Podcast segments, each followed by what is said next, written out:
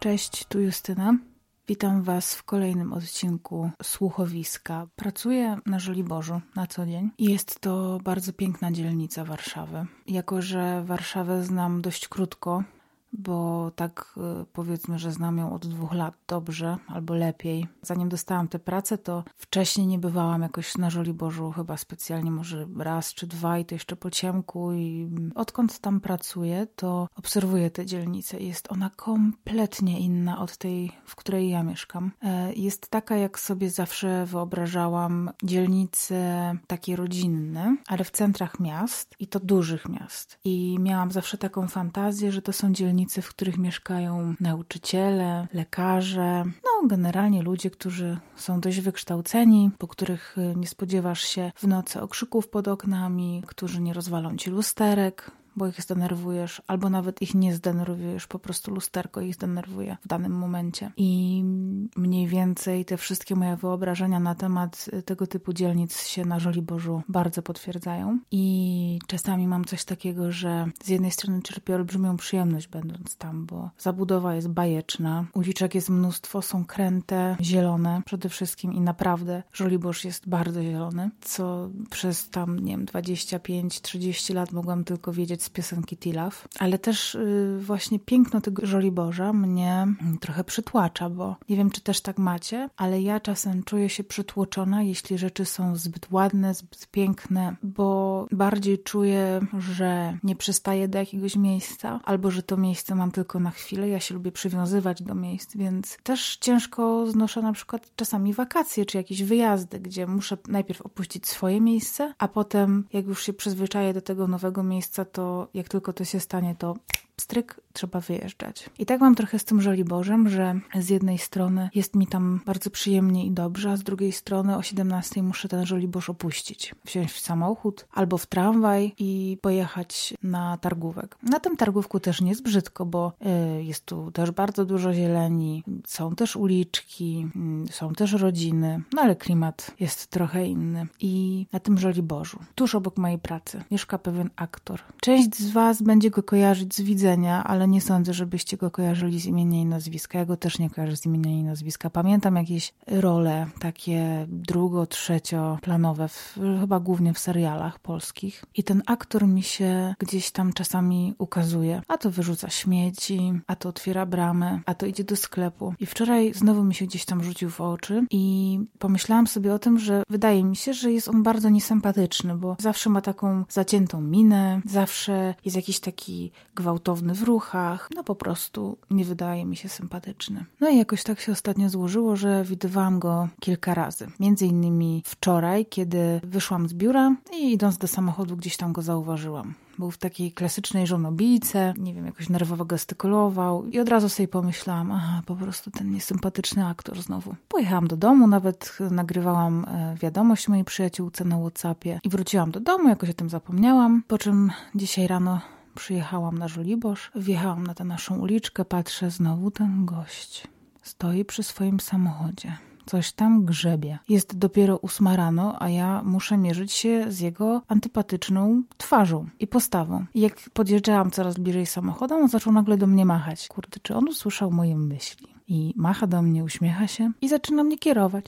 Spokojnie, spokojnie, proszę podjechać, to jeszcze się zmieści dużo samochodów. Ja widzę, że pani tutaj często parkuje i chciałem pani pomóc, bo wiem, że tutaj mamy taki no, duży samochód. Dużo za duży jak na takie miejskie wojaże. I że on mi chętnie pomoże, żeby tam jeszcze się zmieścił inny samochód, a żeby mi się komfortowo parkowało. I zrobiło mi się tak głupio przed samą sobą, i przed nim chyba trochę też, że bazując na byle jakich przesłankach, wyciągnęłam wniosek na temat jego całej osoby. Bo bycie antypatycznym bucem, tak jak sobie gdzieś tam w głowie to projektowałam, no umówmy się, nie jest najfajniejszym określeniem i nie zachęca do tego, żeby kogoś poznać i nazwać go fajnym. I ta sytuacja przypomniała mi taką historię sprzed y, chyba kilkunastu lat już, bo to się działo w liceum. Kiedyś poznałam w szkole językowej takiego znajomego, z którym się zakumplowałam. I to była taka osoba, którą kojarzyłam z widzenia i nawet gdzieś tam wydawał mi się taki, powiedzmy, że cool, że to jest taka osoba, z którą ty się chcesz też zakolegować. Nie wiesz skąd on jest, bo na pewno nie z twojej szkoły, ani nie z liceum, które gdzieś tam jest też niedaleko, tylko że musi chodzić gdzieś indziej, więc stąd pewnie go nie znam, nie znam jego historii, no ale buty świadczą mniej więcej o tym, że lubi chodzić po górach, sportowa kurtka pewnie o tym, że ma podobny styl jak ja, bo ja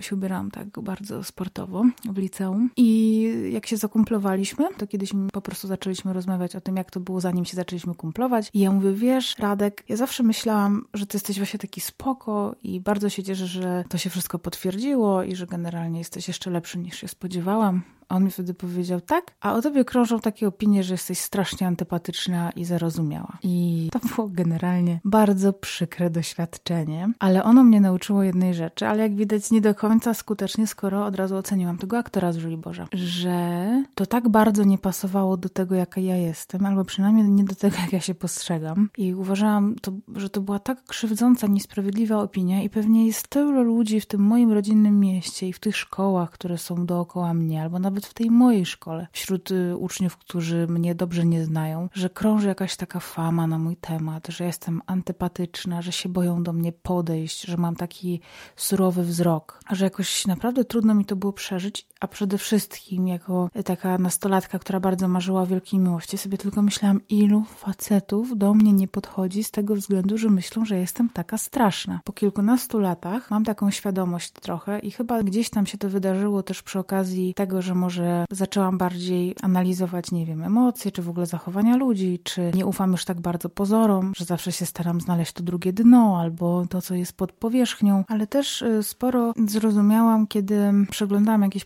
plotkarskie pisma i przeczytałam jakiś artykuł o Kristen Stewart, aktorce chyba ze Zmierzchu, która ma najbardziej antypatyczną twarz Hollywood. Tam była jakaś taka kompilacja jej zdjęć i faktycznie na tych, na tych zdjęciach ma taką, no nie wiem, niezadowoloną, e, może trochę ponurą, czasami czasami nawet skrzywioną twarz, ale bardziej taką po prostu bez wyrazu. I Hollywood ją nazwało, to się nazywa po angielsku Resting Beach Face i tak sobie pomyślałam, Boże, faktycznie jaka antypatyczna osoba. A potem obejrzałam z nią wywiad, gdzie ona siedziała zupełnie uśmiechnięta i totalnie zaskoczona tym, że ludzie mogą ją tak postrzegać tylko dlatego, że ona nie chodzi cały czas uśmiechnięta. I zapytała prowadzącego mm, z nią rozmowę dziennikarza, czy ty też chodzisz cały czas uśmiechnięty po ulicy i pokaż mi ludzi, którzy naprawdę non-stop się uśmiechają ja jestem normalnym człowiekiem, mam normalne reakcje, a to, że ktoś e, wymaga ode mnie tego, żebym się wszędzie uśmiechała, no to to już jest jego problem. Ja po prostu mam taką mimikę i nic z tym nie zrobię. To mi dało jakby na tyle dużo i ten wywiad z aktorką, z którą chyba nigdy nie